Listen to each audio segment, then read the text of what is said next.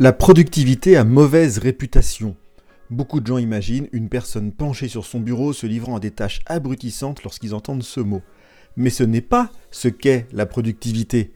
Bienvenue, vous êtes sur J'ai pas le temps pour ça, troisième saison, le podcast proposé par Eric Boucher, où je vous propose des trucs, des astuces, des outils, des méthodes pour être plus efficace au quotidien et terminer la journée plus tranquillement.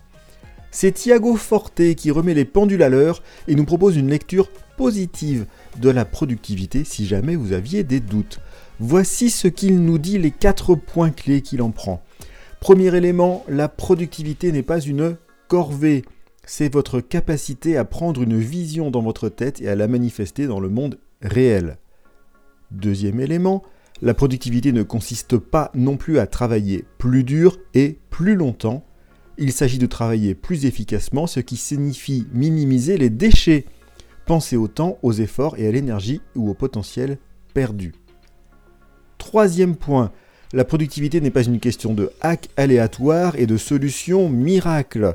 C'est un système sur lequel vous pouvez compter et qui vous donne la confiance nécessaire pour faire face à tout ce que la vie vous réserve. Et enfin, dernier point, la productivité ne signifie pas que vous devez toujours rester occupé et vous en vouloir quand vous perdez du temps. Il s'agit d'avoir la conscience de soi nécessaire pour faire une pause et reconnaître ce qui se passe afin de ne jamais avoir à vous forcer à faire plus que ce que votre corps ou votre esprit vous permettent. Et il en rajoute un dernier quand même, la productivité ne consiste pas à cocher toutes les cases de votre liste de choses à faire, il s'agit de créer la clarté et la concentration nécessaires pour travailler sur les bonnes priorités qui vous donnent la vie que vous souhaitez. Si vous remarquerez que vous rejetez ce qui a trait à la productivité, bah, sachez qu'il y a plusieurs définitions de ce terme et c'est peut-être là-dessus qu'il faut regarder. Donc on reprend les cinq propositions de Thiago Forte. La productivité n'est pas une corvée. La productivité ne consiste pas à travailler plus dur et plus longtemps. La productivité n'est pas une question de hack aléatoire et de solution miracle. La productivité ne signifie pas que vous devez toujours rester occupé et vous en vouloir quand vous perdez du temps.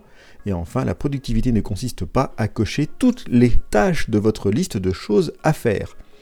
À vous maintenant, quelle définition positive avez-vous trouvé pour votre productivité qui va vous permettre de faire ce que vous avez à faire?